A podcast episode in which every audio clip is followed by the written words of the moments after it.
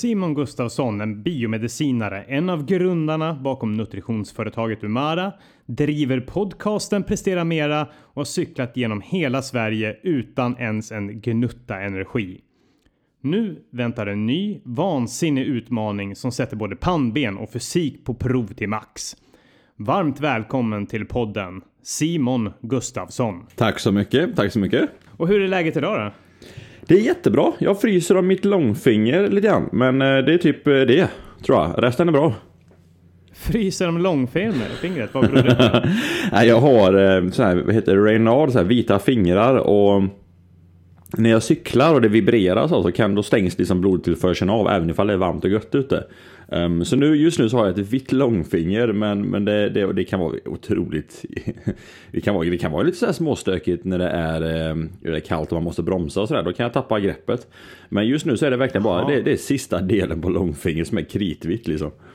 Jag har medicin Fan, för det men jag, jag tog inte det idag bara. Det är så varmt och gött. Nej. Uh, men har du varit ute och cyklat redan idag? Mm.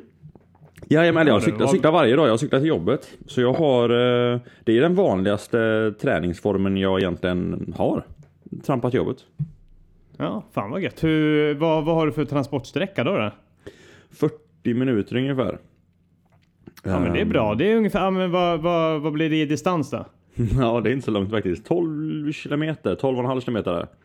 Så det är en, Ja. en snittfart det- på typ 20. Men jag har en sån här modell gigantisk lastcykel utan elassistans och så har jag min hund där i en stor låda. Ehm, Ah. Så jag är krigar till jobbet. Så jag, det, är, det är jättebra. Cyklar med, med linjecykel så tar det 25 minuter. Cyklar med lådcykeln så tar det 40 ungefär, så det är en kvart extra. Ja, men perfekt. Men då får du lite kräm i benen av lite den extra tyngden då. Ja, verkligen, verkligen. Alltså det var, det var, det var så roligt faktiskt för att jag hade, den, den var elassist, inte den här, jag hade, hade en annan cykel som var elassisterad under en lång period. Och så gick motorn sönder. Um, och jag tänkte, ah fasen, man blir lite svettig när man cyklar till jobbet. Jag var, jag var lite grann, för ett par år sedan så var jag lite till den. Jag tyckte om att träna hårt och sen ville jag liksom eh, cykla och njuta lite av det för att det var skönt att ha elassistans. Det var ju det är otroligt bekvämt. Men så märkte jag, när elcykeln gick sönder så gick allting bättre. Alltså mina siffror gick uppåt i taket på träningen.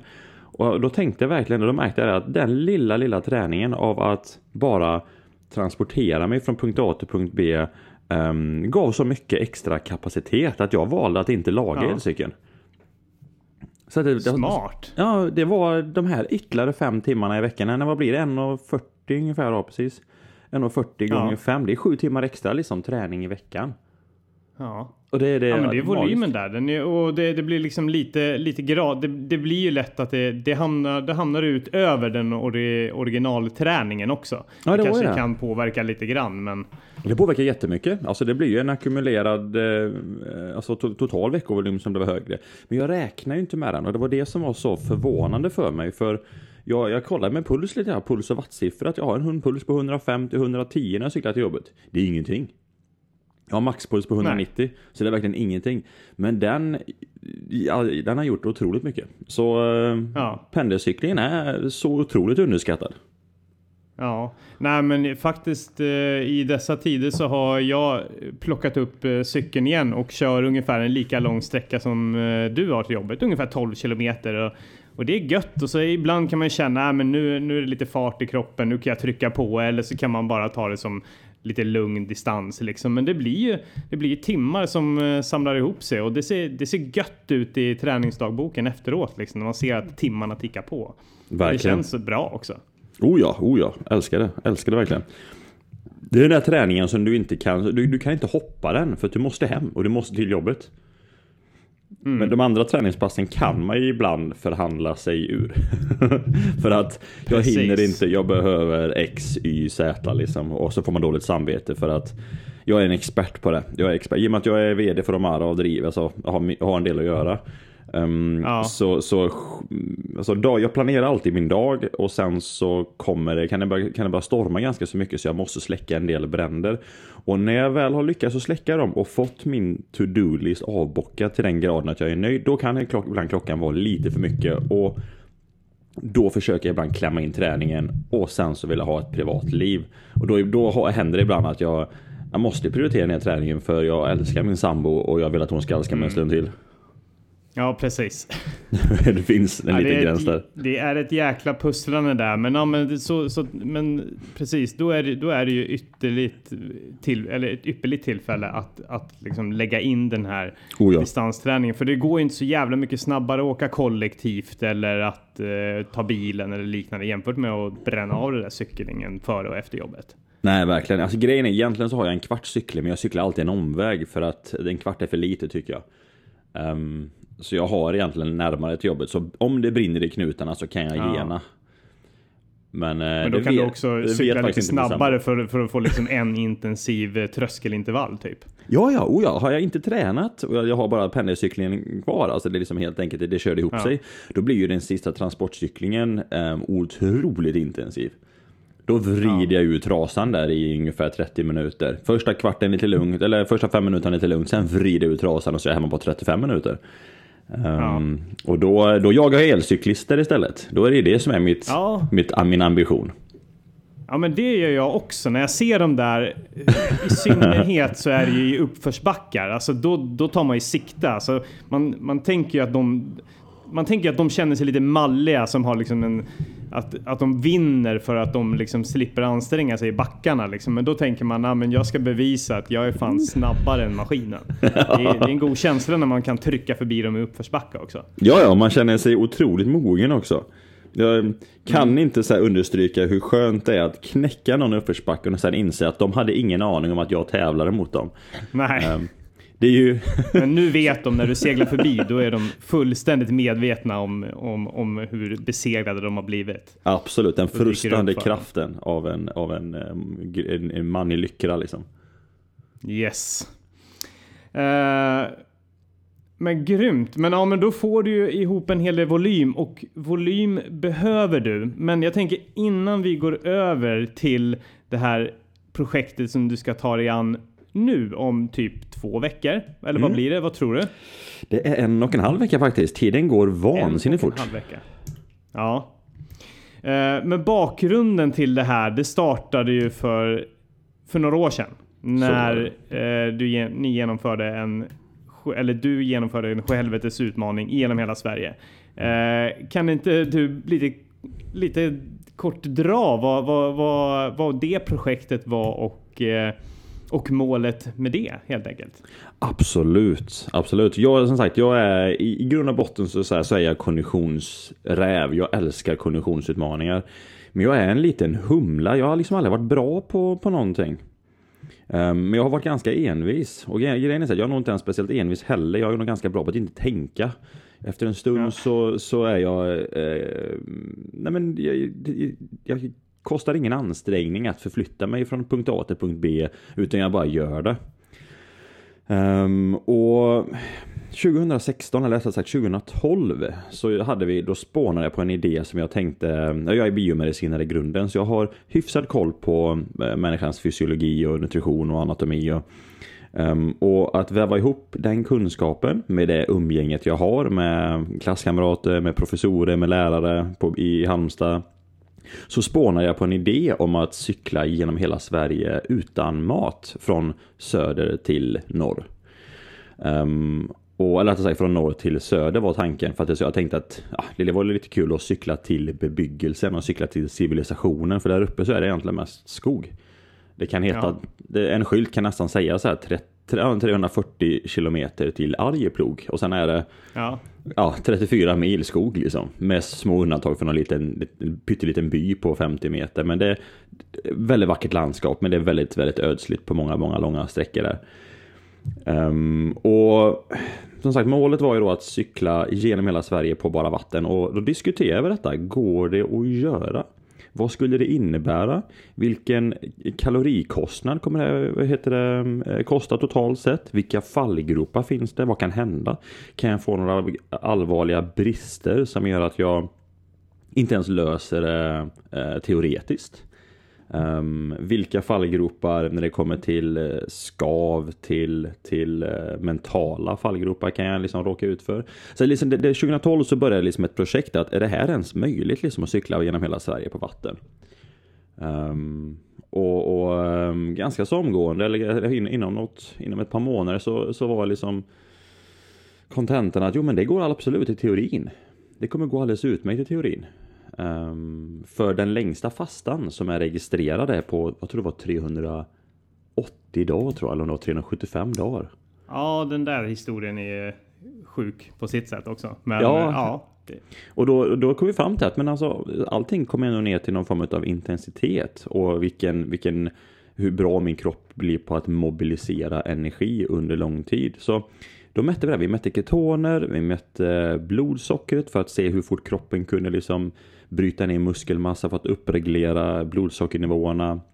Och så gjorde vi långa tester. Jag fastade i två dagar och sen så sprang jag ett maraton och sen så cyklade jag sju timmar och sen så bara okej, vill jag fortfarande göra det här? Ja, typ. Ja. Sen så gjorde jag en, ett par till. Jag cyklade till Öland tre dagar, liksom jag åt ingenting. Och sen så efter de här tre dagarna så ja, vill jag fortfarande hålla på med det här. Så vi gjorde ett gäng sådana här liksom, eh, långa äventyr för att hitta, hitta eh, fallgroparna. Ehm, sen så skulle vi gjort det i 2014, två år senare. Men eh, det gick inte liksom rent logistiskt. Men eh, 2016 så sa vi att oavsett hur världen ser ut så kör vi. Punkt slut. Så vi kopplade in, Sal vi kopplade in Sahlgrenska. Jag gjorde en viktuppgång ehm, på två månader. Gick upp 22 kilo på två månader. Ehm, och sen så eh, gick starten och så drack jag som sagt vatten, intog mineraler och cyklade i snitt 15 mil per dag. Ehm, och så var jag klar på 15 dagar. det Otroligt är ju häftigt. underbart vansinne. Det är det ju. Ja, det, det var det är ett minne för livet verkligen. Ett otroligt Ja. minne för livet. Jag sa det till min sambo i halvvägs ungefär. Jag sa att jag kommer aldrig, aldrig, aldrig, aldrig göra någonting sånt här igen. Ehm, Och nu sitter du här. yes, och nu sitter jag här. Ja. Men det, det, det är en liten fördel att ni faktiskt har eh, lite bredare kunskaper än oss andra. Om jag skulle ge mig ut på det här utan att eh, eh, göra uträkningarna först, då, då kanske det hade gått lite mer snett än vad det gick för dig, skulle jag gissa på. Det krävs ju enorm planering, vilket och då får ni ju nytta av era eh, universitetsstudier och, och eh, som biomedicinare som ni är. Absolut, absolut. Jag hade inte löst det om jag inte hade haft umgänget och den bakgrundskunskapen. Sen är pannbenet viktigt liksom, men utan teorin så, så går det inte. Vi, vi räknade med att jag behöver ha ungefär 100 000 extra, alltså 100 000 kalorier kommer det här äventyret att kosta. Ehm, och vid den tidpunkten jag gick upp i vikt, då hade jag 6 kilo kroppsfett om man tar inklusive allt. Jag vägde ganska, all- alltid ganska så lean som man man ofta är Ja. som konditionsidrottare. Och ta 6 kilo kroppsfett gånger 7 så är det 42 000 kalorier. Alltså teoretiskt sett så hade jag gått 60 000 kalorier back. Men kroppen kan inte, kan inte gå ner på noll. Det är liksom, jag, hade, jag hade klarat mig till Ja, från, från man säger nerifrån och upp så hade jag hade kanske klarat mig till eh, Karlstad eller Mariestad. Sen hade jag varit jätte, jätte, jätte illamående och troligtvis sjuk. Ja. Um, sen hade min kropp eh, bara stängt ner. Det funkar inte. Så jag behövde ha liksom, jag behövde liksom veta hur mycket fett måste jag lägga på mig. Um, vad kan hända liksom när blodsockret är i botten? Hur lång tid ja, kan kroppen lösa detta liksom? Och hur lång tid tar det? Um, så studierna har varit otroligt viktiga för det här. Mm, jag förstår det. Men eh, hur... Jag tänker, hur förenar du det här med att gå upp två, 22 kilometer? med att ändå, du var ju ändå tvungen att du måste ju ändå vara tvungen att träna ganska hårt inför det här för det krävs ju ganska mycket fysik att cykla 15 mil per dag i två veckor i sträck. Hur Ja, så var det ju. löste du den kombinationen? Den var jättesvår. Den var otroligt svår. Det var nästan en av de eh, jobbigaste utmaningarna ska jag säga. För när man cyklar länge, vilket du måste göra, eller tränar länge överlag. ehm, det är två saker som händer. Och det ena är att du gör av med väldigt mycket energi. Um, och nummer två är ju att du ofta tränar över dina ätarfönster. Um, så när jag väl fastade i tre dagar till exempel och ja, sprang ett mara och sen så efter det så cyklade jag sex timmar på en inomhuscykel. Alltså det var nog mitt jobbigaste pass. Det sitter väldigt, väldigt, väldigt hårt i mig. Um, alltså, eh, de dagarna så har jag ju två dagars underskott, vilket i sin tur kan vara 5 till 6 000 kalorier. Och sen så springer jag och genomför den här dagen som kanske i sin tur kostar 10 till 12 000 kalorier. Då har jag ett underskott på 18 000 kalorier. Och ja, men då går jag ner i vikt. Men samtidigt så behöver jag lägga på mig vikt väldigt, väldigt fort. Ja. Så, så, jag, hade, jag hade långa, jag hade en hel del träning som bara var korta, korta, korta liksom intervaller för att hålla uppe fitness, alltså hålla uppe min konditionseffekt. Ja. Och sen hade jag någon gång i veckan ett lång, lång pass och varannan vecka lång, lång pass inklusive eh, lite tömda depåer. Men jag försökte faktiskt träna så lite, så lite som möjligt för att annars gick jag upp i vikt för långsamt. Um, mm. Och jag ville liksom sagt, jag ville gå upp i vikt så fort, så fort som möjligt. Jag vill inte smyga upp. Det var en av utmaningarna faktiskt. Jag tycker, jag är väldigt Lite obstinat och lite manisk definitivt. Det kan säkert folk som också lyssnar här höra att jag är väldigt passionerad. Ja. Men, men, ja, men det, finns, det finns en baksida här också. Och det ena, det ena, ena är vid min viktuppgång ville jag göra så snabbt som möjligt för att också illustrera att en viktuppgång handlar framförallt om ett kaloriöverskott.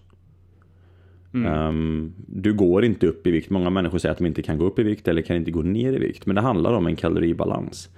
Um, och jag har alltid varit ganska så lean och jag ville så liksom illustrera att om jag lägger på mig ett vikt, en kaloriöverskott så kommer jag kunna gå upp i vikt väldigt, väldigt, väldigt fort. Um, så jag gick jag åt, 9, åt mellan 8 och 9 000 kalorier per dag mestadels genom en LCHF-baserad kost. Mm. Um, och, så, liksom, och det, varför gjorde jag det? Jo, det är för att det är ju den maten som är mest energirik. Så det var mycket ja. grädde, mycket smör. På den tiden så var jag inte vegetarian som åt mycket bacon, åt en hel del jordnötter. Jag åt eh, eh, alltså mycket oljor överlag. Eh, så, alltså saker och ting som är otroligt fett egentligen. Mm. Um, och så räknade jag upp liksom, jag behöver ha, låg jag på 5000 kalorier så sa jag till att nej, jag behöver ha 3000 till. Um, och sen så gick matematiken upp, så jag gick som sagt jag gick upp 22 kilo på, på två månader ungefär. Helt otroligt. Vad, vad, hur, hur mådde du av, av den här kosten då? Och av att trycka i dig så mycket? Hur, hur påverkades du alltså både mentalt och fysiskt av att trycka så mycket? Man mår ganska dåligt eh, periodvis, alltså, man är ju mätt hela tiden. Eh, så det är inte lätt att gå upp i vikt under det så snabbt. Det är väldigt lätt att gå upp något kilo i eh, var tredje vecka eller i något, något kilo i månaden är ju fantastiskt enkelt. Gå upp 10 kilo på ett år, det, är ju, mm. det kan ju nästan kännas som att man har en, en eh, riktig liksom, eh, party, ett partyår. Um, men att gå upp eh, mer eller mindre 10 kilo i månaden, vilket i sin tur blir 2 kilo i veckan, ja, då får man jobba för det. Då, blir det, då är det jobbigt. Liksom. Är, så tänk efter en rejäl julmiddag och sen så ska du fortsätta äta. Um, så det var jobbigt. Det var jobbigt att få i sig så pass mycket energi. Men uh, jag, jag såg ju till liksom att jag ville hela tiden så må så bra som möjligt. För jag behövde ju ändå träna och fungera i vardagen samtidigt. Um, och det är förvånansvärt hur fort, fort kroppen ändå kan förändras och acceptera nya läget. Till slut så var jag nästan hungrig när jag inte åt 5-6 tusen kalorier per dag. Fast ja. jag egentligen hade ett jätteöverskott. För magen ja en av hungerkänslorna är ju att magen är tom på eh, mat. Och en mättnadskänsla är att magsäcken är utvidgad. Så på morgonen när jag väl inte hade ätit under natten, om man säger så då. Eh, på morgonen skulle jag vara vrålhungrig fast dagen innan så hade jag haft ett överskott på nästan 6000 kalorier. Mm. Väldigt, väldigt förvånande att det kan vara så egentligen. Men det är ju bland annat magsäcksvidgningen som kan sätta griller i huvudet på, på kroppen. Ja, precis. Uh, ja, men det är, jag, vet, jag, vet, inte vad det beror på men alltid när jag trycker en pizza så är jag jäv, då är jag ju tom i magen på morgonen dagen efter. Mm. Uh, vad, vad, är det som händer där då? Jag skulle tro att det är just det. Att liksom att först har du vidgat kroppen, magsäcken ganska så ordentligt. Sen så under natten så har den ja. hunnit på. Sen så, så kommer den i tarmarna och sen så på morgonen så känns tarm eller magen tom igen. Och den är ju per definition tom. Uh, men när maten ligger och tas upp i tarmarna. Um, och då kan man känna sig ännu hungrigare. Um, även ifall kaloribalansen är vad den är. Men sen så, sen så balanseras den. Så hade jag ätit bra mat, om man säger havregryn, jag hade käkat ägg, jag hade käkat liksom inte så mycket bara fett liksom. Så hade jag, hade mättnadskänslor kommit ju ikapp ganska fort. Efter den här pizzan som du säkert åt, som du åt på kvällen. Hade du käkat en normal frukost så hade du nog inte varit lika hungrig sen på lunchen, inte lika hungrig sen på eftermiddagen. För kroppen kommer att, den vill inte gå upp jättefort i vikt. Den vill ändå, den gillar homeostas liksom. Um, mm. Men, men hungerkänslan kan komma lite ad hoc, de kan komma lite oregelbundet om man äter konstant. då tar man bort den här rytmen som har i kroppen. Eh, frågar din mor och farföräldrar liksom, när vill de alltid ha kaffe? Det är alltid på samma tid. När det ska vara eftermiddagsfika? Yes. Alltid på samma tid. Så mm. ja, bryter du den rutinen liksom, och så, då, då, kan, då händer det mesta. Då kan det bli stökigt. Mm. Men okej, okay, vi, vi, du har gått upp de här härliga 22 kilorna. Eh, mm. det är dags att sätta sig på cykeln. Eh, hur kändes formen när du började trampa då? Liksom? Vansinnigt dåligt skulle jag vilja säga. Oh. Ja. Jag var så, det var så hemskt. Alltså, jag har ju alltid varit, eller jag är ju alltid ganska så eh, normalviktig som löpare liksom, eller som cyklist. Jag vägde mina 72-74 kilo på 1,82, liksom en, en konditionsräka. Um, varken lätt, varken tung. Um, och helt plötsligt vägde jag 92-93 kilo vid start. Så liksom att bara ha en mm. ryggsäck på 20 kilo när jag inte är van vid det kändes liksom jättemycket. För jag gick upp så fort i vikt så att det mesta var ju tungt. Trappor blir ju tungt. Så det, det är en stor eloge till människor som faktiskt har gått ner i vikt och har stannat där uppe över lång tid. Det är en jäkla prestation ja. att faktiskt gå ner i vikt och stanna där nere. Um, så jag känner mig jättelångsam i början. Så i början så var ju backarna jobbiga. I slutet så blev de ju lättare och lättare. Jag vägde ju 77 när jag kom i mål. Um, ja. Men sen i slutet så var jag ju ganska utmattad utav att cykla så här länge så att det på ett sätt så blir det väl inte, det blir aldrig så mycket lättare för jag hade ju en ackumulerande muskelutmattning uh, uh, parallellt. Men uh, i början var det inte, var inte så att jag liksom så här struttade iväg, verkligen inte. Nej, nej, nej, måste ju ha gått trögt. Men kände... och vi säger i, i, i medan du gick ner i vikt, kände du dig eh, någon, fanns det någon period under den här resan som du kände att du var lite starkare än när du började? Eller var det trots liksom att du började på 96 kilo, var det bara liksom ett förfall på grund av energiborttaget? Eller fanns det någon punkt då du kände att ah, nu är jag liksom hög på energi för att jag har hållit på så länge? Ja, men det kunde komma perioder. Alltså de första tre dagarna är, är värst. Um, sen efter det, för det tar ungefär, det tar, det tar ungefär en dag att tömma leverglykogendepåerna till, till botten om man liksom bara sitter och inte äter alls och du kör en 24 timmars ja. fasta. Det är därför 24 timmars fasta är liksom väldigt enkelt och görbart för de flesta människor som äter normalt. Inga konstigheter liksom. Um, och så äter man ett måltid och sen äter man nästa gång efter 24 timmar. Liksom. Så, så, det är verkligen helt fint för kroppen. Den, den tar inte stryk det minsta. Lägger på träning däremot, då, kan man ju, då tömmer man ju detta ganska så fort.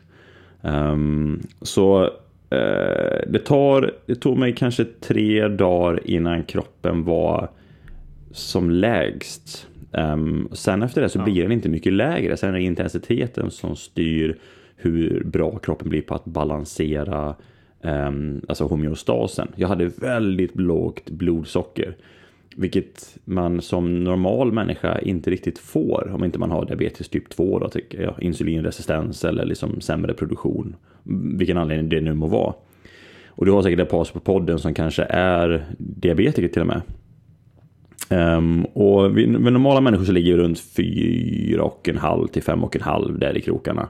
Det är det som normalt faste blodglukosvärde. Jag kom ner till 2,1 och jag låg och hovrade länge runt 2,5 och under 3 då är man inte stöddig om man är diabetiker. Um, och dit mm. trodde jag faktiskt inte jag skulle komma. Jag hade bara kommit dit ett par gånger under mina långa äventyr. Men, men nu efter typ dag 4, dag 5 så, liksom så då, då hade jag svårt att komma över 3. Utan jag var tvungen helt enkelt att pausa ganska mycket liksom för att kroppen skulle ja. hinna med att bryta ner muskelmassa. För när kroppen bryter ner muskelmassa så frisätts det kolhydrater som i sin tur blir blodglukos. Och då mår man bättre igen. Så, så jag mådde sämre när jag cyklade och sen mådde jag bättre när jag vidare. Så höll det på. Och så fort jag stannade så kvicknade jag till. Och så trampade jag och så hade jag någon timme innan jag liksom blev trött. Och så fick jag stanna och sen så mådde jag bättre. Så jag, om vartannat så försökte jag hela tiden att Eh, jag tog blodso mätte blodsockret och cyklade eh, när jag mådde bra. Och så fort jag inte mådde bra längre, alltså jag blev lite yr och lite trött, då stannade jag. Och sen så var jag köra. Det är, det är exakt som att vägga ungefär. Kan man säga. Ja, så, men, men i det här fallet så har du liksom inte en vanlig vägg kanske kommer i slutet av ett lopp. Du har ett par timmar kvar. Här, här hade du liksom 13 dagar Ja, kvar. 10 dagar kvar, 11 dagar kvar. Ja, precis, precis. Så, så tänk att du har väggat. Om, om folk vill uppleva det så kan jag säga att man, det, det, det är inte dumt att springa och vägga och sen så vänta ut det till kroppen kommer tillbaka igen. För den kommer komma tillbaks. Ja. Och sen springer man till nästa vägg. Då, då, har jag, då kan man simulera lite grann hur det faktiskt var. Um, det är därför, därför, därför kan man ju komma hem när man har väggat. Det är ju otroligt, det är ju otroligt jobbigt. Men, men uh, allt handlar om intensitet.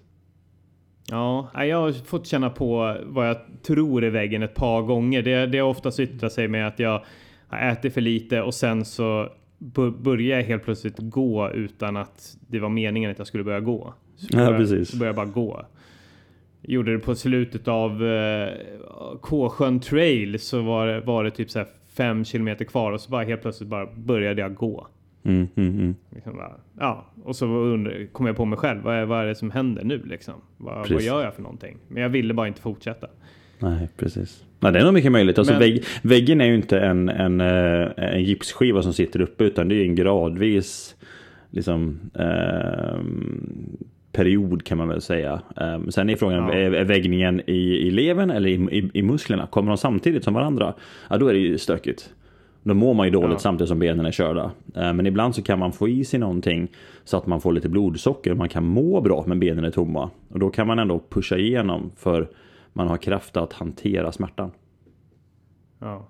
Eller smärtan, Vad var, det, vad var det värsta illamåendet du fick erfara då? Eh, vad som händer är när man, när man är väldigt trött är att eh, man kan bli lite yr. Um, och jag, när jag var i Mora där, så jag sov inte så mycket på nätterna för um, ja, men kroppen är sliten. Liksom. Jag hade ju alltid två stycken regler för mig och det är blir jag sjuk att det kan vara farligt, då bryter jag. Blir jag skadad att det är farligt, då bryter jag.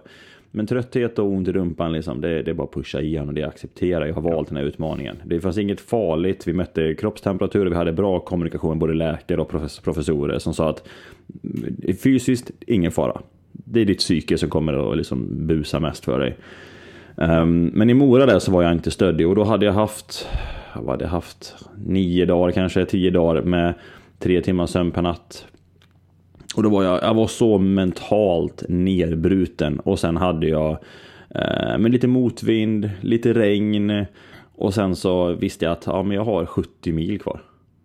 Eller ja, vad det nu var. Och då, då, då var det lite, då var det stökigt. Eller 60 mil kvar tror Ja. jag kanske. Då var det, då var det jobbigt liksom. Då var det jobbigt att, att pusha. Ehm, eh, och då, blev, då var jag lite yr, illamående. Och då behövde jag bara sitta en stund. Så jag satt en halvtimme och sen så fortsatte jag igen. Ja. Ehm, men definitivt, Mora var nog det stökigaste tror jag. ja. Eller. Nej, Mora. Knäckande att Knäckande att vila med, det, Vila brukar vara förenat, förenat med att då tar man kanske en liten bar eller någonting. Att det händer någonting ytterligare den där vilan. Men det var bara, du satt liksom och surplade på ditt vatten då liksom. Yes, då fick jag ju bara lite vatten att liksom så här till att götta med. Och det var en regel vi hade. Det fanns ingen Funlight, ingen Pepsi Max som man säger så, inga lightprodukter. Även ifall det är kalorifritt så innehåller det asparginsyra och asp alla aspartam innehåller asparginsyra och fenylalanin och det är en eh, aminosyra som i sin tur har någon kalori per 100 gram. Alltså det, det är ytterst, ytterst lite, men det var liksom, ja, men det är noll kalorier, punkt. Noll kalorier, punkt. Ehm, så efter dag sex tror jag så fick tog jag mitt första, min första kopp svart kaffe. Ehm, Och det var liksom fram tills dess så sa jag bara nej, jag vill inte ha det förrän jag kommit ner till Östersund. Liksom. Ja. Så jag väntade tills dess och då tog jag bara kaffe och så tog jag två koppar kaffe per dag tror jag. Sen var resten bara, ehm, bara vatten, mineraler i form av salttabletter och bikarbonat som jag ger med lite fosfat så att eh, du behöver den ha få i sig för fosfat för att muskelkontraktionen ska kunna funka optimalt. Om du Okej. fastar för länge. Och, och, och, och bikarbonaten det var för att Ja det var just det, natriumbikarbonat får jag även med mig en fosfatgrupp. Ah, ja, Ehm, ah, okej. Ja, men så då det är hela, för muskelkontraktionen ska kunna funka. Det, man har det, det kroppen åter, åter det hela tiden. Men, men eh, får man inte i sig någon kost så eh, kan man liksom få brist på det. Mm, mm. Återigen bra kunskap, eller bra, bra människor runt om mig som har sagt liksom att det här är en fallgrop. Så det här ska jag nog inta. Men bikarbonat är ganska äckligt. Det är vansinnigt äckligt. Ja. Det är bak, bakfull pulver är ingenting man liksom sen njuter av när man dricker. Men eh, Um, ja, det... ja då, hade, då hade ni inte de här smidiga kapslarna heller som ni har idag? Nej. Så det var Nej. Dr. Oetkers bakpulver. ja. men, alltså, men kroppen kunde hantera, hantera det hyfsat bra under hela resan? Ja, absolut, absolut. Det fanns ju inte någon, jag hade ju inte en, det här var ganska intressant. Jag, eh, folk har ju frågat mig, liksom, bör du gå på toaletten? Och jag sa så nej, det, det kommer ju inte in någonting, så det kommer inte heller ut någonting. Nej. Och det är en väldigt intressant upplevelse faktiskt. Att jag startade den 5 juni tror jag, var, var i mål den 18. Uh, eh, om inte jag räknar helt tokigt här nu, på söndagen i alla fall, den, den juni. Um, och sen var det liksom, sen behövde jag gå på toaletten man säger, sista dagen, den sjätte, alltså dagen efter, för det finns alltid lite i systemet. Sen var det inte en prutt ja. alltså. Det var inte en prutt, det var helt ingenting sant. alltså. Och det var helt plötsligt ja. så, man, man, man fann sig med att man inte behövde gå på toaletten. Um, så att Smidigt. kroppen, det är jättesmidigt. Ja. Fanns, in, fanns inget behov, fanns ingen känsla av att man är mätt eller liksom behöver, nej ingenting, det var helt Helt neutralt. Säg det var ungefär som efter en prutt, så kan man säga. Belåten. Nej, så får man skulle säga. man liksom kunna, om vi säger att man vill leva helt pruttfritt, skulle man liksom mm. i princip, skulle, hur länge skulle man överleva ifall man la sig på soffan, rörde sig aldrig och så intog man bara vatten och de här mineralerna? Och så ja. liksom, hur, hur, hur, hur, hur, lång tid skulle man kunna gå? Ja, men då, då Ganska länge egentligen. Ja, precis. Han, han gick ju ner 200, vad var det han gick ner? Jag tror han gick ner 260 kilo och sånt där löjligt. Det var ju så helt galet. Han var ju grovt överviktig kan man ju förstå. Ja. Så han vägde ju sen i slutet eller hur gick han ner? Jag, jag, kan, jag, jag kommer inte ihåg i huvudet bara för det, men han, han tappade väldigt, väldigt mycket vikt. Eh, och under den här, det här perioden, 380 dagarna, så det, det, de största problemen han fick, det var ju faktiskt med tänderna. Um, för uh, han hade, han fick väldigt mycket hål i tänderna. Väldigt mycket hål i tänderna Jaha. utav den um, icke-salivproduktionen tror jag det var. Eller jag vet inte riktigt. Men det, var, det är inte bra för tänderna att inte uh, äta någonting. Um, Nej. Så jag tror att ja, det var för mycket syre i alla fall. Han fick kraftiga frätskador. Kraftiga frätskador. Okej. Okay. Um, ja, du ser. Vart är den här personen idag? Jag minns att jag googlade lite, försökte mm. hitta någon information, men det var lite knapphändigt ändå. Det, fanns det var ju en studie från 80-talet liksom, så det är en gammal studie. Så att förhoppningsvis så lever han väl, men det tror jag. Men, men eh, jag vet ja. faktiskt inte, jag kommer inte ihåg. Jag kan se det. Jag kan säkert, jag har ju, ah, jag kan, om jag kommer ihåg det, om du påminner mig efteråt så kan jag skicka studien till dig. Så jag har den fortfarande på datorn. Det vill jag väldigt gärna ha. Mm, fixar Det låter spännande. Mm. Yes.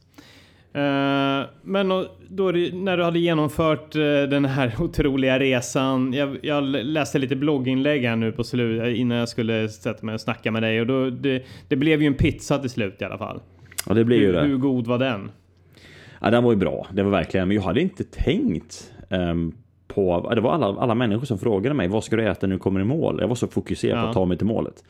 Um, men varenda intervju frågade mig vad ska du äta? Så jag sa en pizza liksom. Och då kom nästa fråga, ja, vilken pizza? Standard. Ja, vilken pizza? Bara, ja. bara, kebab liksom, kebabpizza. Så att jag, efter, det var när jag kommit två, tre dagar efter liksom, intervju åtta tror jag. Jag hade en tre, fyra intervjuer per dag. Det var, det var skönt att distrahera mig med, åh Simon du har en telefonintervju, kan du stanna till här? Ja, ja. det kan jag göra.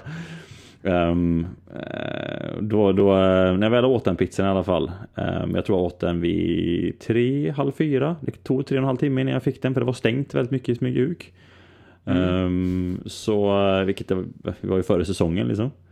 Um, ja. Så smakade det, första kvarten av pizzan var liksom så att det nästan inte jag fick en allergisk reaktion, det ska jag inte säga, det låter konstigt. Men det kliade nästan bak i gommen. Liksom. Det var så mycket smak okay. som var fantastiskt. Liksom. För jag har inte smakat någonting. Ja.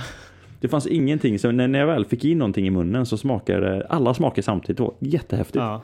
Jätte, jättehäftigt. Men sen efter en halv pizza ungefär så smakade den som en vanlig pizza. Ja, och sen var det tillbaka eh, som vanligt. Ja, ganska extremt tråkigt egentligen. Smaklökarna i alla fall, men, ja. men kroppen, nej, hur, hur, lång, hur lång tid tog den för att liksom börja vara normal? Två månader innan jag ska säga eh, jag kunde köra ett träningspass och Uh, förvänta mig, uh, alltså jag kunde lita på vad effekten blev av det om man säger så. Och säg att jag körde, ett, ja. jag körde ett, ett, intervallpass efter tre veckor, två veckor. Då kunde jag ha liksom träningsverk och vara helt slut i en vecka. Och det, ja. och det, det är jag inte. Alltså vanligtvis. Ofta så kör man ett intervallpass och sen så dagen efter kan man vara lite stum och dagen nummer två så kan man ja. nästan köra igen. Men här kunde det vara liksom helt, inte sänkt alltså. Jag var jätte, jättesliten. Uh, men efter två månader ungefär, då, då svarar kroppen som den brukar. Um, jag kunde köra ett intervallpass, två dagar senare kunde jag göra det igen. Två dagar senare igen kunde jag köra ett långpass. Alltså man, jag kom in i den här liksom, eh, normala lunken egentligen, liksom i, i kontinuitet. Mm. Men det tog nog ett halvår innan kroppen var um, redo, eller att sagt jag kunde liksom, hungern var stabiliserad. Ja. Det var det nog. Um, I och med att det var uppe ganska så högt i vikt um, så började kroppen att liksom dra mig dit hela tiden. Så jag fick ju faktiskt gå på diet så fort jag var i mål. Så jag gick på diet, gick ner till mina 75, ja, 74-75 kilo, gick lite högre. Ja. Uh, och sen slutade jag tänka på maten. Så jag bara liksom åt som efter mättnad och helt plötsligt vägde 82 igen. Så jag bara, ah. mm. så gick jag på diet, så gick jag ner till 75 igen och så höll ja. jag mig där. Så jag liksom, jag räkna kalorier. Och så tog det ungefär en fyra, fem månader kanske, upp mot ett halvår innan jag märkte att Nej, nu kan jag faktiskt, nu räknar jag inte längre. Nu testar vi och ser lite grann och så, och så driftar jag inte längre. stabil igen. Men det tog nog ungefär ett halvår innan kroppen, liksom innan jag blev mätt utav en vanlig måltid. Innan jag inte blev hungrig två timmar senare helt okontrollerat. Ja. Um, och det visste jag inte, så det var en, det var en, en, härlig, en, en häftig upplevelse. Ja, här, en häftig och kanske lite småstökig upplevelse låter det som. Så här efterdyningarna. Man känner väl, det hade väl varit ganska skönt ifall det liksom, du, när du hade trampat klart så var livet som vanligt. Men det påverkade så lång tid efter ändå alltså. Ja, det var lite så här. Det var, stökigt var det rent eh, eh totalt. Men det var ju en otrolig stress. Och det jag ska göra nu, det är ju inte i närheten. Det är ju egentligen, det här, är, det här ska ju bara gå fort. Det är ju Mm. Um, egentligen ingen, och det är stress på kroppen definitivt, men jag får inta energi. Jag, jag, om, jag inte, om jag blir för dålig eller om jag cyklar för långsamt, då är jag inte produktiv längre. Då måste jag ta en paus. Mm. Um, och då, det så, så fort man intar energi och får sova lite grann så kan kroppen reparera sig väldigt, väldigt bra. Um, ja. Så, så ja, ja, Sverigetrampet var ju första alltså. Det var ju otroligt mycket mer extremt skulle jag vilja säga. Um, så det kommer jag inte göra igen. Nej, men det förstår jag. Det, det är lite gjort nu liksom. Uh, och det, det finns liksom inget som lockar att du ska göra det här fast till typ så här Paris eller någonting. Uh, Nej. tre distans eller något sånt där. Nej, det är så pass, det är så pass, uh, det är ingen hälsoresa heller liksom. Den första äventyret, den kan Nej. man ju, många, många ifrågasatte det liksom ur ett hälsoperspektiv och jag bara, alltså, du har ju helt rätt liksom. Det finns inget positivt med det. Det finns ingen, nej. Inget, nej, det finns inget, ingenting som kommer ut av det bortsett från att det häftigt har gjort en häftig utmaning. Men det är ingen, jag får, jag får ingen, eh, nej det är, det är inte nyttigt. Det, det, den är lite väl extrem, det är den verkligen. Um. Så nej, den, eh, den är gjord. Den är gjord. Mm. Men vad, vad, vad, vad, var, vad var det ni ville eh, bevisa med den här resan? Jag har ju läst det men du får gärna, du får gärna repetera den. Varför mm. gjorde ni det här? Alltså, grunden i alltihopa um, har att göra med att folk, uh, jag, jag, jag, älskar anekdoter. Um, men ja. man ska också veta att en anekdot är en anekdot och det är liksom helt enkelt en egen upplevelse. Det är inte ett ja. bevis. Så när jag hjälper folk, liksom jag är gammal PT eller som även liksom elittränare bland konditionsidrottare, så säger jag var duktig på, var lyhörd mot vad som funkar för dig. Men var väldigt lyhörd med vad som funkar för en grupp. För det som funkar för dig, alltså många säger att det här funkar för mig. Jag tar en gel på ett maraton och det funkar för mig. Och då säger jag, det är jättebra. Men om du vill springa fort så handlar det om att försöka inta 90 gram kolhydrater i timmen eller liksom och vara strukturerad. Och så säger jag bara, nej men det, det behövs inte, det här funkar för mig. Och då sa jag så här, det, det som funkar för någon är Um, inte det som man egentligen vet. Man har ganska dålig koll. Vi är otroligt biast, vi människor. Så jag vill bara säga så här, men det, jag, jag kan cykla genom hela Sverige på bara vatten. Men nej, det går inte. Jo, absolut. Det går alldeles utmärkt. Det kommer inte gå fort, mm. men det kommer att funka. Um, så min obstinathet eller min, vad ska man säga, och nu är vi tillbaka på det innan, min passionerade sida tyckte att oh, här kan jag skapa lite turbulens. Här kan jag skapa lite irritation genom att säga att det här funkar för mig. Um, men, men helt enkelt, det var att bevisa vad som, att det går. Bevisa att det är möjligt med lite kompetens. Men sen ska man också säga att alltså, på ett maraton så sänker jag 14 gäll liksom. Ja, ja visst. Alltså jag är den som kan, jag är duktig på att trycka i mig energi. Och jag, jag, jag avskyr människor som säger till nykomna till konditionsvärlden säger så här. Liksom, alltså, många, många, så här, man kanske har jätte... Så att man har precis börjat, man är 40 plus, man har precis börjat att springa, precis börjat att cykla. Och så märker man att man blir jättetrött efter 15 km, 10 km löpning. Och så, säger, skriver man i ett forum, hur kan jag lösa detta? Ska man inte ha någon energi? Kan jag liksom... Och så får man direkt bara, nej, nej, nej, det vatten funkar, det funkar för mig. Och så får man så här, man får lite machostämplar på många olika människor. Ja. Och jag bara, jag blir så ledsen Ja men, jo, men på det det här. kan jag märka när, när det är många som skriver, jag är medlem i något forum, det heter Lonesome Runners, där de pratar om så här, när ska, man, när ska jag inta vatten? Är det efter Ja. en timme? Så kommer det ganska många som kommer säga Jag är ute i fyra timmar eh, Ja. helt utan vatten. Jag dricker inte ens vatten innan. Bla bla bla bla bla. Ja, och det blir lite Mycket macho. Det är väldigt mycket macho. Jag menar, och, och det där skadar människor som blir sig nyfrälsta. Så jag säger, jag kan cykla 30 mil på bara vatten. Inga konstigheter. Men jag intar energi och jag intar vätska för att jag vill inte gräva en jättedjup grop. Jag vill kunna njuta lite grann, cykla imorgon igen, må hyfsat bra. Kroppen är en överlevnadsmaskin. Vi kan lösa jätte- jättemycket, men vill man verkligen veta vad som funkar så måste man vara lyhörd för forskning, man måste vara lyhörd för att man har en egen bias, alltså vad man tror är rätt. Ehm, och så måste man våga liksom kasta ut sina fördomar. Så därför gjorde jag liksom Sverigetrampet, bara att liksom så här, ehm, jag, vill, jag vill provocera och googla gärna Sverigetrampet happy, happy ride eller, eller funbeat eller så. Du får ju så mycket Ja. roliga forumstrådar där jag, alltså de hatar mig verkligen. Människor hatar Ja. mig. Och sen efter en stund jag kommer till vad, vad är det Mariestad. största hatet där då? Att liksom... Nej men det är, så Vad- provo- det är så provocerande. Det är så provocerande att det är eh, farligt, eh, att det är Ja. eh, korkat, att det inte kommer gå. Att det var vissa som att han kommer dö. Liksom. Det, var, det var otroligt mycket irritation. Och sen så gick jag upp i vikt på LCHF och jag sa att alltså, LCHF är jättebra. Det är verkligen ingen, det, är inget, det finns inte mycket dumt med LCHF. Det är inte något magiskt, men egentligen så tar du bort mycket skräpmat. Du tar bort eh, godis, Ja. chips, cola, saft, eh, bullar. Du tar bort mycket skräp och så ersätter du det med bra grejer. Med, med eh, nötter är bra, så länge som de inte är saltade till exempel. Ehm, men å andra sidan samtidigt så tar LCHF bort rotfrukter och mycket frukter överlag. Och det säger att men det är dumt, för rotfrukter är fantastiskt bra. Potatis har bland Ja. det högsta mättnadsindexet som finns. Ehm, och det är jättebra om man vill liksom hålla, äta en bra kost och liksom hålla en bra vikt. Så då sa jag så här, "Nej, LCHF funkar för mig. Nej, sa jag, LCHF funkar inte per definition för dig. Ehm, men du eliminerar säkert någonting i din vardag. Men du hade kunnat gå ner i vikt med en, en vanlig normal husmansdiet. Nej, det funkar inte. Jo, det hade du. det hade du. Mm. Och, och sånt där går jag igång på. Ehm, Jag har väl slappnat av lite mer de senaste åren.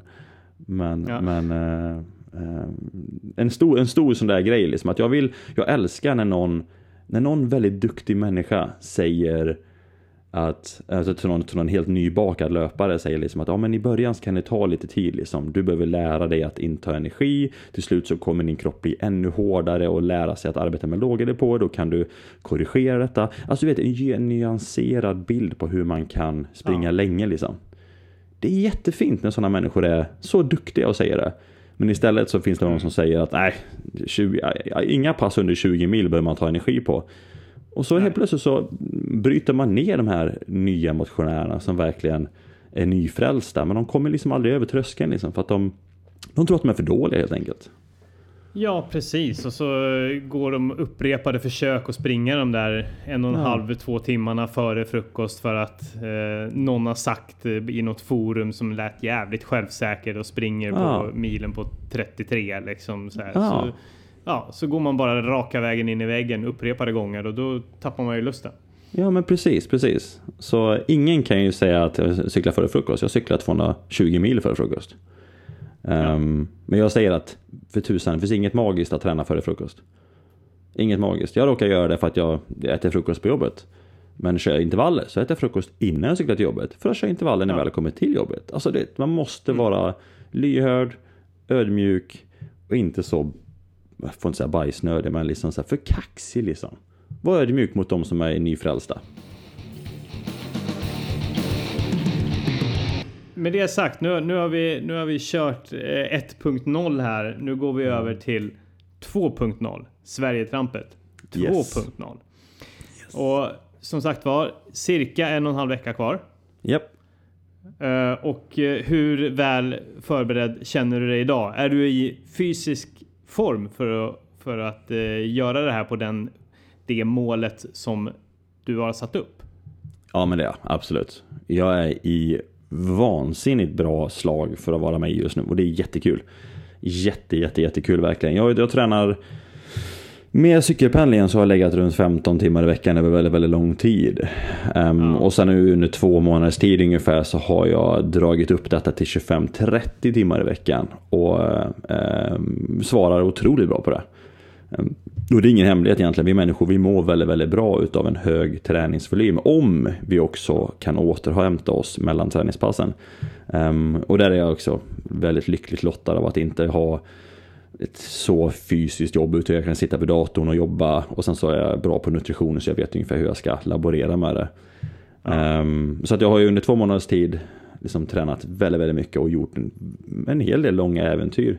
24 timmars monark inomhus. Um, cyklade 60 mil utomhus med tre andra grabbar.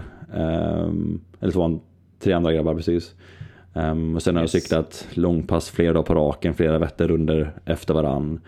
Um, mm. Och jag vet ungefär liksom, vad händer med, med rumpa, med knän, med huvudet. Uh, vad händer om det regnar mer eller mindre en hel dag i motvind.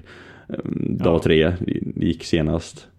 Um, så jag är jättebra förberedd för det här. Sen kan allting hända, men fysiskt och psykiskt är jag väldigt förberedd för detta. Väldigt förberedd. Yes.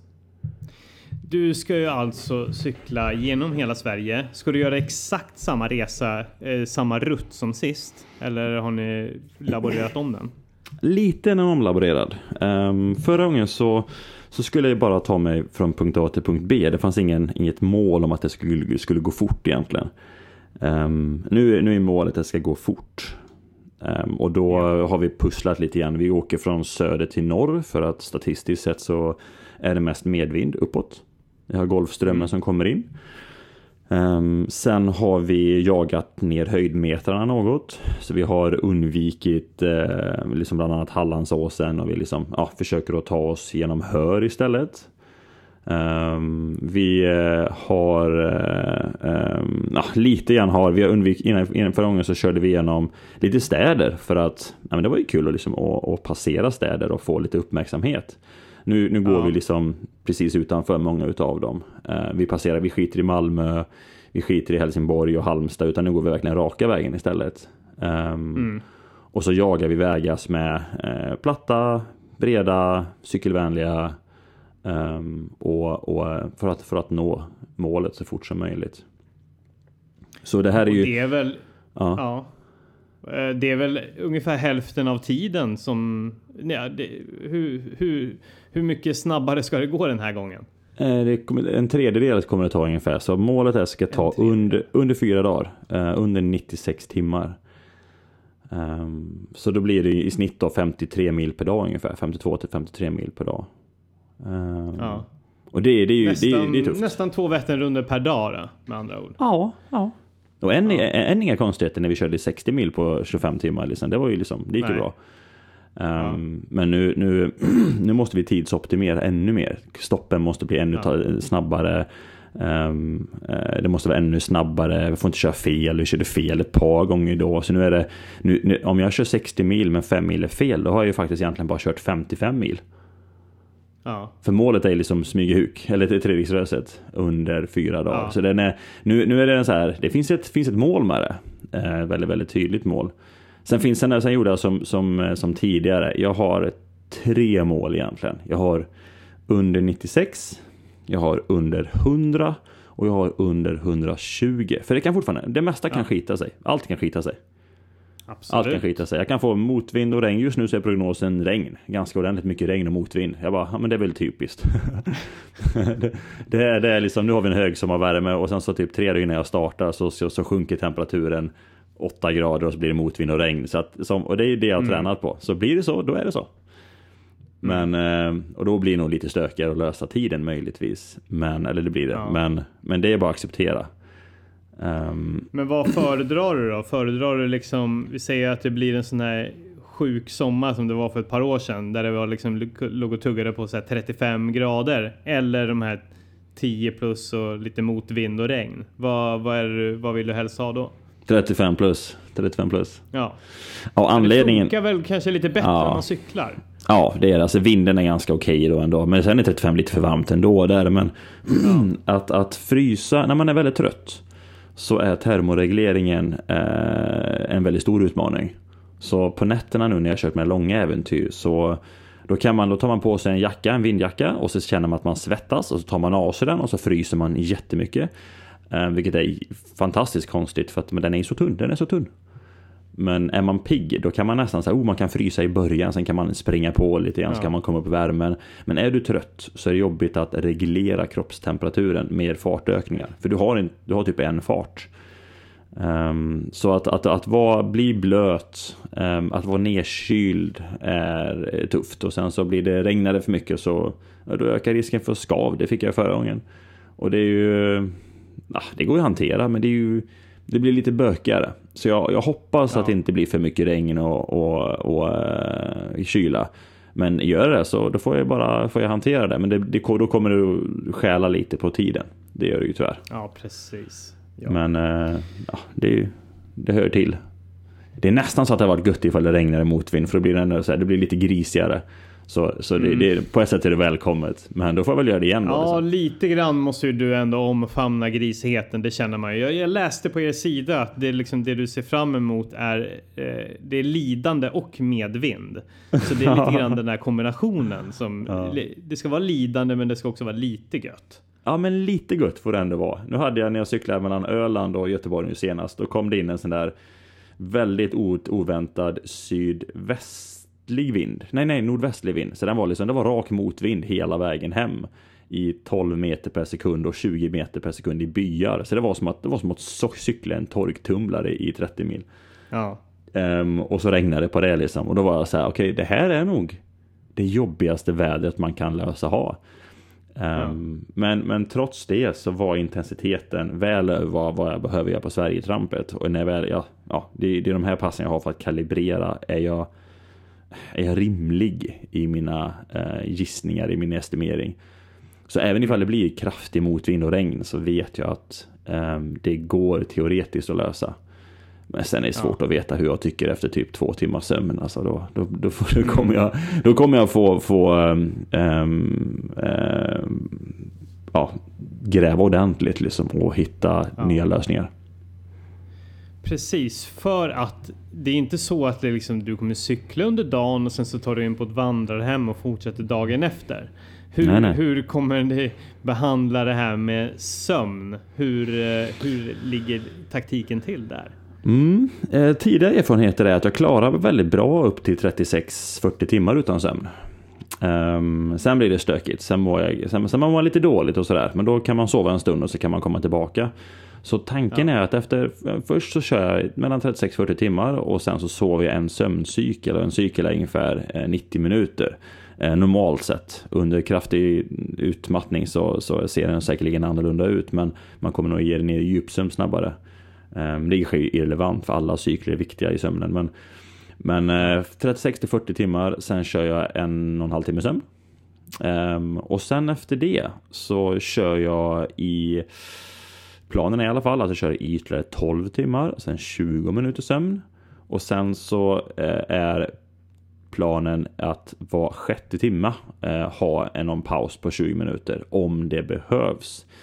Ehm, så totalt sett så kommer det att bli fyra timmar sömn på fyra dagar. Ehm, och sen så ska jag vara klar då.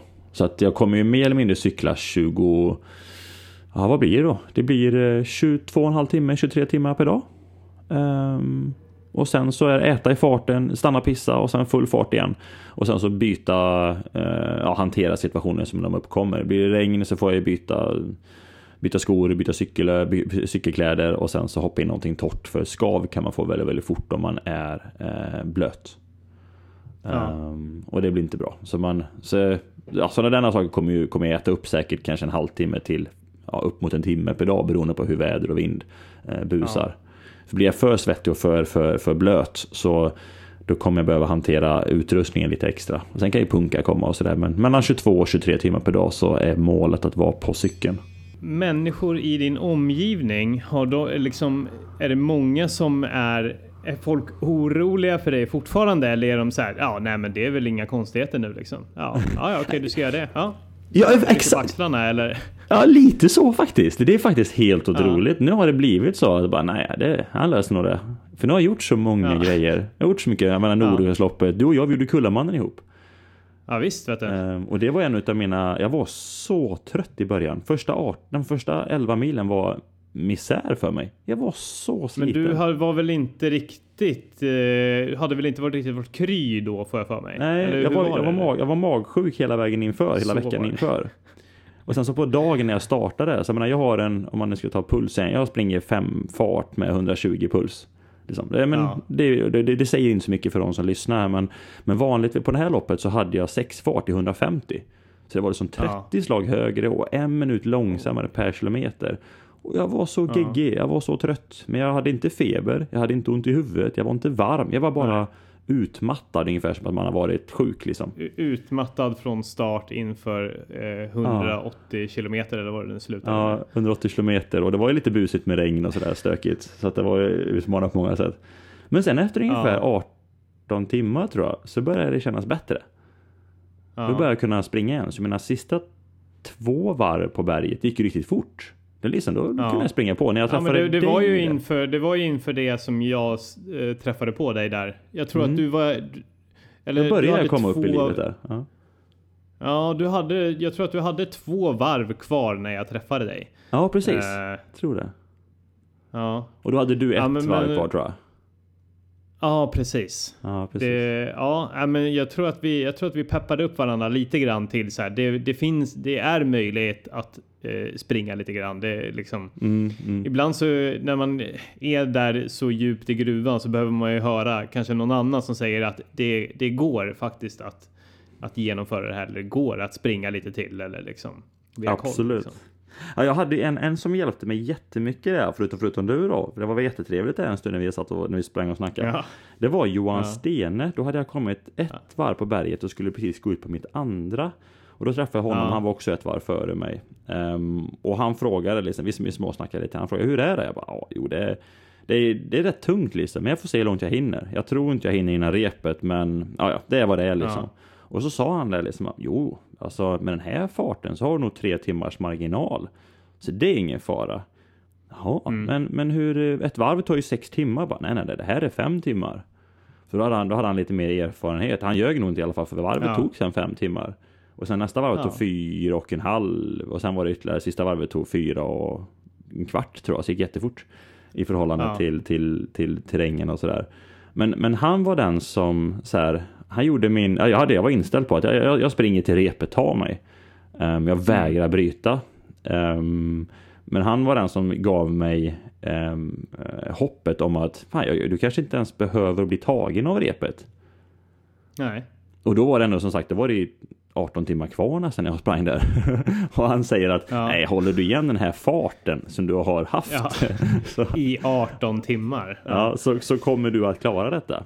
Och det var jätteskönt. Det var fantastiskt skönt att ha någon, ha han där ute liksom som kunde liksom räkna om det lite grann. Min matematik ja, bara var lite sä säga någonting annat än vad man själv har repeterat i sin skalle liksom ah. i, timmar efter timmar liksom. Ja, så jag var... Få en äh, omställning. Ja, verkligen, verkligen. Och det räcker ju inte med liksom den publiken som säger kom igen nu, för att det är inte det. Du behöver ha, du behöver ha någon som sitter i din situation många gånger. Ja. Um, det hjälper. Verkligen. Sen kan man bli glad av applåder oh, och sånt där. Men det tar absolut. en inte riktigt ur en tanke. Liksom som man har snöat in sig på redan. Precis, precis. Jag håller med, håller med. Ja, det är Men då är löpare. ni, du, du, har, du har ju ett par eh, ur ditt eh, team som kommer kunna tala dig till rätta under den här eh, resan. Eh, vilka personer du kommer ha med dig? Jag kommer med min kollega Tommy som var förra gången. Ehm, Yes. han, han är den bästa, han är kung alltså. Han är kung. Han, han kan mig utan och innan liksom. Han, Ja. ja. ja, nej, det, han, är, han är klockren. Och sen har jag två stycken eh, andra, en chaufför som är duktig cykelmek och sen eh, en media-apa, en kompis till oss också som är filmar, fotar, ja, och väldigt duktig på det då. Eh, Så att vi kommer vara ett team på tre stycken och jag. Så vi är ett väldigt, väldigt litet team som ska ta oss från punkt A till punkt B. Och det, det har ju lite grann med, med coronatider att göra också. Så att vi vill Ja. också lite grann, vi är isolerade. Alltså det här är ingenting, det är ingen, egentligen ingen skillnad mot att ehm, hålla oss på hemmaplan. Vi ska inte träffa någon. Vi kommer med oss vad vi, 20 matlådor. Vi, kommer att, vi ska Ja. bo i en husbil och sen så ska vi åka igenom hela Sverige och sen tillbaka igen. Det är tankar vi Ja. kommer göra som är det mest, mest ehm, träffa andra människor. Liksom. Och då ska vi vara vid Ja. pumpen och sen ska vi fortsätta. Ja, precis. Så, eh, så ett litet, litet team och, och eh, men fantastiskt bra team. Alla de här är grymma människor och väldigt de känner mig sedan tidigare och de är vana vid utmaningar sedan tidigare. Mm. Och det är viktigt. Alltså, jag kan inte ha med min sambo, jag älskar henne, men hon, hon älskar mig för mycket. Och det, det Hon blir... orkar inte. Det, när du lider som mest så kommer det, kommer det locka med att åka hem och lägga ner istället. Ja men det, det blir nog det lite grann att liksom, det, det, då blir det inte den här att jag, jag behöver inte medömkan, jag behöver förståelse. Liksom. Ja. Ehm, så det är jätteskönt att träffa sina kära vid mållinjen. Jag tycker att det är jobbigt att träffa dem ehm, under tiden. Jag tycker det, för att då kan jag ha ganska jobbigt ibland och då behöver jag jobba med mina Ja. demoner och liksom prata lite grann med, med den negativa sidan och sen så försvinner den. Liksom. Men man är inte, om alla hade hört de kommunikation, den kommunikationen som man bedriver i huvudet då kan man bli lite, så här, lite rädda, men ibland behöver det bara komma ut. Mm. Det behöver komma ut så att man liksom har hört det och sen kan man, ja fast det här är ju självvalt. Ja, jag vet det. Ja, ja. Nej, vi fortsätter en stund till. Och Mm. så, så är det så. Liksom det, det är den här eh, alter egot som behöver, en, eh, behöver bänkas ibland. Ja. Eh, Men då kan vi förvänta oss, är, ska det liksom bli en eh, liten dokumentärfilm eller är det mer att det kommer vara stories längs med vägen eller på vilket sätt kommer det dokumenteras? Vad är planen? Det kommer vara på två. Så han, våran, Johan Lindhardt som är fotograf och film, han kommer göra en liten film Ja. på det hela. Ehm, Ja. Som också kommer förhoppningsvis, vi får se vad tiden säger, men om han kommer kunna göra liksom en kort vlogg varje dag, liksom en summering, så, så, så kommer det upp. Ehm, sen kommer ju Tommy vara den som driver mycket stories här och Facebook live och Instagram live, liksom se till att man ska Ja, man, man kommer kunna följa mig i stort sett konstant. Och det är kul. Mm. Du kommer kunna... Ja, det är mysigt. Du kommer kunna, jag har en, en tracker på mig, um, så var femte minut så flyttas min punkt om man nu bara vill se mig Ah. på, på en hemsida. Men på Facebook och på Instagram på Maras sida så kommer man, Tommy kommer ju ha eh, som uppdrag egentligen att hålla mig, eller alltså göra det live väldigt mycket. Ja, ja. Ehm, och och ehm, det gjorde vi också nu på monarkcyklingen, alltså jag satt ju live liksom dygnet runt. Det var, Jo, jag såg det. det, och det är inte så Eh, jättekul det var, egentligen det att var kolla på. underhållande Men, och mysigt att veta att du alltid satt där liksom. Kunde Ja, men precis. Lite då och då så bara, ah, han, han kör fort, fortfarande. Gött. Ja. det var när jag kom in där på morgonen där liksom, så var någon som bara säger hej hej, god morgon klockan fyra liksom. Ja, Klockan ett på natten bara säger godnatt, bara åh, godnatt. ja, ja. Ses om några timmar igen. ja precis, det finns ändå något litet här, Yes. litet mysigt där och ha, ha eh, alla sitter på något sätt på en parkbänk liksom bredvid. Väldigt Mm. roligt. Ny teknik är kul. Mm. Ja, det är det. Alltså.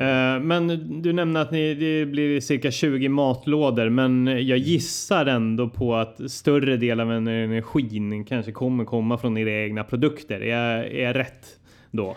Jo men så är det. Alltså, jag kommer nog få i mig ungefär 7000 kalorier varje dag ehm, som är från sportdryck och, och gels.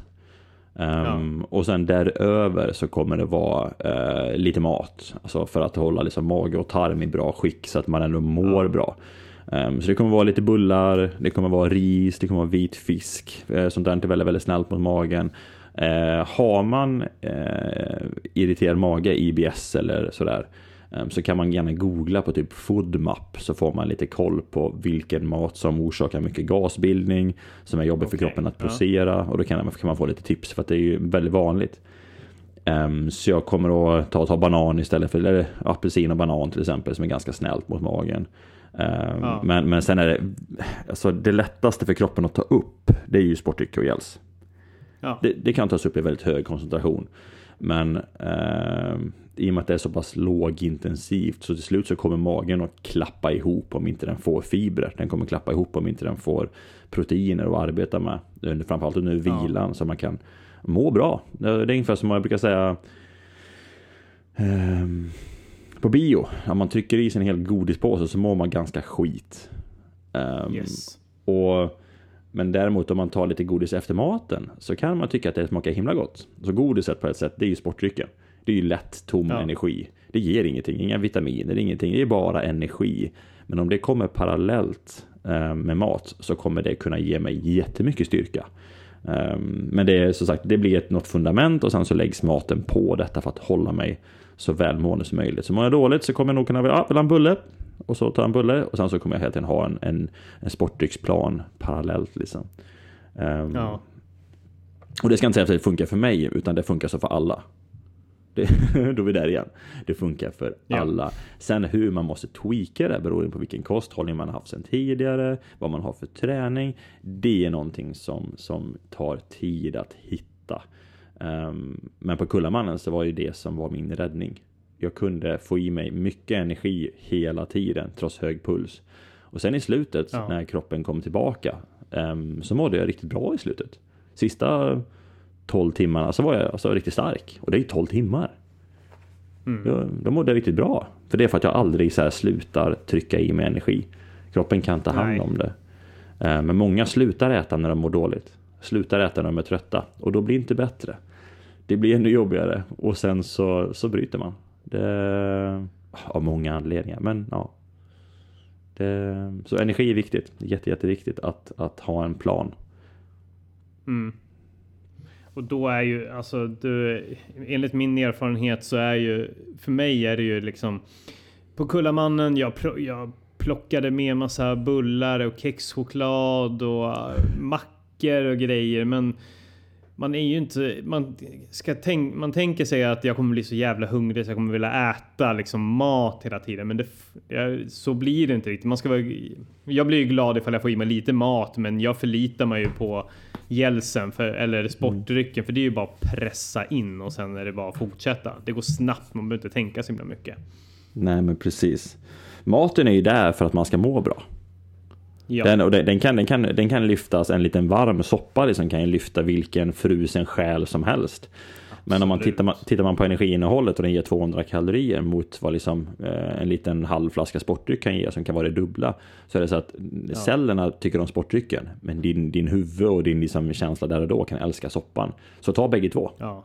Det brukar jag alltid säga, liksom. ja. ta bägge två. Um, om soppan gör att du vill ha mer vanlig energi, då är soppan fantastisk. Mm. Det, så man måste, Men, se det, måste se det stora hela. Ja. Men blir det fast föda? Hur, eh, kommer ni ha ett schema för när den fasta födan ska tas in? Är det liksom, eh, mm. Kommer ni köra lite grann frukost, lunch och middag style? Eller är det lite då och då? Eller hur, hur bygger ni upp det där?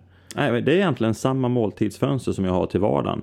Um, ja. och, och, under natten kommer det vara mer, om man ska säga, eh, mer flytande, ännu mer flytande då kanske om något då, lite frukter och de vetebulle liksom, men det är väldigt, väldigt lite sådant för vi är väldigt dåliga på att äta på natten och må bra utav det.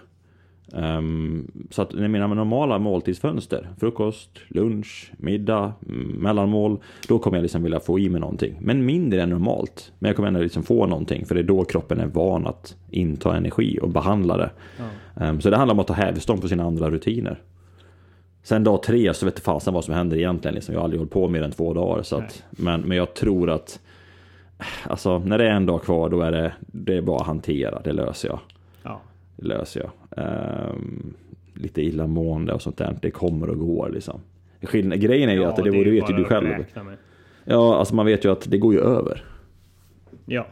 Det, allting går ju över hela tiden. Och det är väl den största lärdomen från alla ultraäventyr man har gjort. Att jag kommer aldrig glömma det när jag var i jag var i en kåta på Nordensjösloppet efter 16 mil tror jag. Så träffade jag en holländska. Jag hade haft det riktigt stökigt. Jag är ingen skidåkare. Jag är bara ja, jag är duktig på att hålla på länge. Liksom. Mm. Um, så träffade jag henne där och hon var helt förstörd. Hon var helt paj. Hon satt in och frös liksom. Och så kramade hon kaminen och jag pratade lite med henne. För jag hade också en ganska liten tuff period där. Liksom. Jag, jag skulle sitta där en fem minuter, få i mig lite grann av varm soppa återigen och sen skulle jag ut igen. Och hon sa bara, ja, jag bryter här. Jag bara, fast vi har gott om tid så alltså. Fan, vi har ju, du, du har sex timmar till repet. Du har tagit dig härifrån, du har tagit det från Holland hit. Det är ingen idé att bryta nu. Det är bara, alltså vad var det dit, liksom 14 mil? Alltså, det är bara 8 mil kvar. Det är mindre än ett Vasalopp alltså. Det här är ju, det är ingenting. Det här löser vi. Och hon bara, nej, jag bryter nu, punkt. Ja, han sitter en stund till. Liksom. Du kommer lösa Jag försökte liksom med min mentala liksom, strategi. Liksom, att, men, fan, det här det kommer vända. Liksom. Det kommer vända. Bara, nej, jag skulle aldrig gjort det här. Jag har aldrig gjort det innan. Jag skulle aldrig göra det igen. Och, och så vidare. Hon var liksom stensäker på att det här är hatare. Men jag är, hon, hon bröt sen tyvärr, vilket var jättetråkigt. Men jag är övertygad ja. att hon ångrade sig. För hon hade ingen anledning, hon hade inte ont någonstans. Hon var bara trött. Nej. Men klockan trött tre på natten, två, tre på natten, då är man trött. Det är okej okay att vara trött. Då, då ska man vara trött. Um, men man vet att det vänder. Om man vet att det vänder varenda gång, då kan man gräma sig lite, skrika lite, svära lite och sen så har man fått ur sig det och sen känns det bättre. Ja. Och så, så, så kan man vet, glömma den lilla mörka perioden i sitt liv och sen så, så är man där igen. Det, det är liksom det, ja, att lura sig själv och säga att man aldrig kommer att vara bitter. Alltså folk tror att man alltid är positiv och det är skitsnack. Ja, man, är, man, man, kan vara jättenegativ men skillnaden är att man vet om att den här negativiteten är, är, är någonting man eh, kan få ur sig och sen behandla liksom. Um, sen, ja. sen, så vet man att det är inte jag. Eller det är jag just nu. Sen eh, försvinner jag. Precis. Och så kommer man tillbaka. Ja, men precis. Det är ju tjusningen med de här extremt långa äventyren. Alltså. Det, det är att det är en jäkla berg och dalbana och att man får belöningar när man kommer ur den. En, liksom, mm. att, det, att det alltid kommer det där. Att man kommer tillbaka. Mm. Ja, men målgången på Kullamannen, du kommer ihåg den. Jag är säker på att du bara så här när du, man springer över den sista liksom så här, etappen där eh, vid stenarna vid havet. Bara så här, shit jag fan ja. löst det. Den känslan när man ja. är vid fyra bara, det här är klart. Det här är klart. Ja. Jag kommer ihåg, jag grät ja. när det var ett varv kvar på Kullaman. Jag var så här bara, ja. fan det här nu är du på upploppet. djupt inne liksom. Den här var tuff. Ja men det är inget millopp jag har gjort har jag liksom fått den känslan. Nej, nej, nej, det går ju inte. Alltså, jag, ja, jag kommer ihåg, jag minns liksom från andra liksom längre utmaningar så blir man blir så jävla emotionell på slutet som man inte kan bli annars. Nej, man bara precis. trycker på i ett millopp men, men på de här loppen så, så händer ju någonting annat. Man blir nästan, li, man blir nästan rörd av sig själv. Det är lite fånigt men så är det ju. Ja, ja, ja, och det låter ju liksom så här tacky men, men man, ja. när, när allting väl kommer till kronan liksom så har man ju bara man har ju bara sig själv och sina egna tankar liksom. Man är ju på något sätt ensam i, i väldigt mycket. Um, sen är man ju liksom gemenskapen på banan liksom. Men när man springer där och bara här, är rätt stolt över sig själv. Det är ju ja. en väldigt hög form utav narcissism. ja, och, och den är läcker. Den läcker liksom. Fan vad grym jag är liksom. Ja, ja visst. Nej, ja. fan. Ja, men det, mm. det, det, ska man få ge sig tycker jag ändå. Det tycker jag. Ja, ja. För fan, man, man ska älska det, sig själv. Det är livshöjande. Ja, ja, för fan. Ja. Älskar. Ja, nej men svingrymt att höra om det här eh, fantastiska äventyret alltså och eh, det ska bli otroligt roligt att följa den här resan. Eh, Stort tack. Och Ja, och jag uppmanar att ja, följ, alltså följ uh, Umara på både Facebook och Instagram. Vilka fler kanaler kan man följa det här på? Uh, eller är det framförallt Instagram, Facebook för Umara? Eller Ja, det kommer det vara. Sen på hemsidan, om man inte har varken Facebook eller Instagram så kan man ju gå in på omarasports.com och klicka på fliken Sverigetrampet. Och det är där man kommer ha tracken. Man kommer kunna se, den är jättesnyggt byggd alltså. Man kommer kunna se min snittfart, snittwatt, vart jag är, eh, vilket väder jag har. Väldigt kul. Vi har en kodapa, en tekniker som har byggt en jäkla landningssida för att oh, kunna... Fan vad spännande. Eh, den lanseras på startdagen. Alltså den, den, den finns nu med information, men på startdagen så kommer det finnas en, en uh, utbyggd funktionalitet då för att kunna se live vad som händer i mail kan man säga. Ja. Ja. Um, så så uh, hemsidan och sen så, men vill man se live mycket så då är det Instagram och Facebook. Det är där det kommer ja. hända liksom. Där kommer man ju att kunna ja, ställa frågor och Tommy får la, Ibland så kommer jag väl kunna svara lite grann om jag uh, Ja, inte helt för nere i, i källaren liksom. Uh, långa perioder kommer man ju bara ha, nej men nu vill jag vara uh, själv liksom. Um, det, ja, i, i, det, i det här när det ska gå lite snabbt så kommer det kanske vara lite mer att du bara vill borra ner huvudet och kötta jämfört med eh, när det tog lite längre tid och det var utan energi så kanske man behövde prata ibland för att liksom mm. Göra någonting annat. I, I, substitut till att äta så kanske det var bra att prata lite grann. ja men lite grann, lite grann så. Nu, nu kommer det vara liksom, nätterna kommer vara tunga liksom. Sen så på dagarna så kommer det ändå vara jag tror det kommer vara kul. Det tror jag. Det, det, I långa perioder. Ja, det kommer ju vara en härlig berg och dalbana av känslor skulle jag vilja ja. tippa på. Men framförallt så, så kommer du komma ihåg de roliga stunderna och sen kommer du mm. komma på något nytt sjukt äventyr efter det här gissar jag på. Ja, nästa faktiskt. Det finns här redan nu som, som jag skri, skriver på. Um, och det här är ju upptrappningen utav uh, en utomöverkörd RAM genom USA. Ja. Um, det är ju eh, alltså det är dubbla sträckan egentligen. Um, ja. Det går inte lika fort men, men definitivt uh, sjukt utmanande och det är inte många svenskar som har gjort det. Så det är väl det är någonting jag tänker jag skulle göra sen. Um, så uh, det här är en upptrappning till att genomföra ja. Race Across America. Um, och är det, är det någon fastest known time du ska köra? Alltså ah, cykla genom? Den, den, är, den är stygg alltså. Den är stygg. Den fastest known time på Race Across alltså. America är, han är den killen tysk som har gjort den, vunnit tre eller fyra gånger. Han är ah. så snabb. Det är det, det, det är utanför mig tror jag. Eller det är utanför mig. Eh, det, han, men då måste man, ja nej det går inte tror jag. Det är ett lopp alltså eller är det? Ja, jajamän, det är ett lopp. Det är ett lopp och du kanske inte känner till det. Förlåt mig. Nej, det gör jag faktiskt inte. Nej, nej, nej. Det, därför, det är, därför mina frågor, förvirring. Ja, ja visst. Nej, men det är, det är ett lopp. Jag tror att det är, eh, det är 20-30 år gammalt, något sånt där. Kanske ännu längre, något sånt där. Um, det är en 30-tal som startar varje år. Bortsett från i år, då är det inställt. Men uh, 30-tal. Ja. Och då ska man cykla från syd eller västkusten till östkusten. Um, mm. Genom hela USA. Det är 480 mil. Så jag är ju 205 mil nu då, sen så ska jag alltså lägga till 280 mil till ungefär. Så ja. det, det, är snyggt. Ja. Uh, och då gör de egentligen samma upplägg som jag gör genom Sverigetrampet. De sover ganska lite, de har ett team med sig och sen så hanterar de allt vad USA innebär. Det är ju Klippebergen och det är liksom långa ökensträckor. Det är ja. all väder och vind som kan, som kan hända. Um, och han som är bäst på det, det är tysken som vann jag tror han har lagt av nu i och för sig, men jag tror att han vann senast 2016 eller 2017. Då vann han på sju dagar tror jag. Um, och han hade alltså korsat Sverige på tre och en halv dag. Och jag skrev på fyra dagar. Jävlar. Ja. Så han, han, säga, han hade cyklat ifrån mig på Sverigetrampet och sen hade han vänt och helt... cyklat ner bara så här, gjort mig, gett mig en klapp i ryggen liksom. Så han bara så här, bra fart! Du vet, alltså det, han är helt otrolig. Helt otrolig den killen. Um, och det, ja. det jag tycker är så inspirerande med honom framförallt är det väl han, han, han vinner mig på så flera dagar för han är så jäkla duktig. Det är att han verkar och tycker att det här var en bra idé så jag gör om det.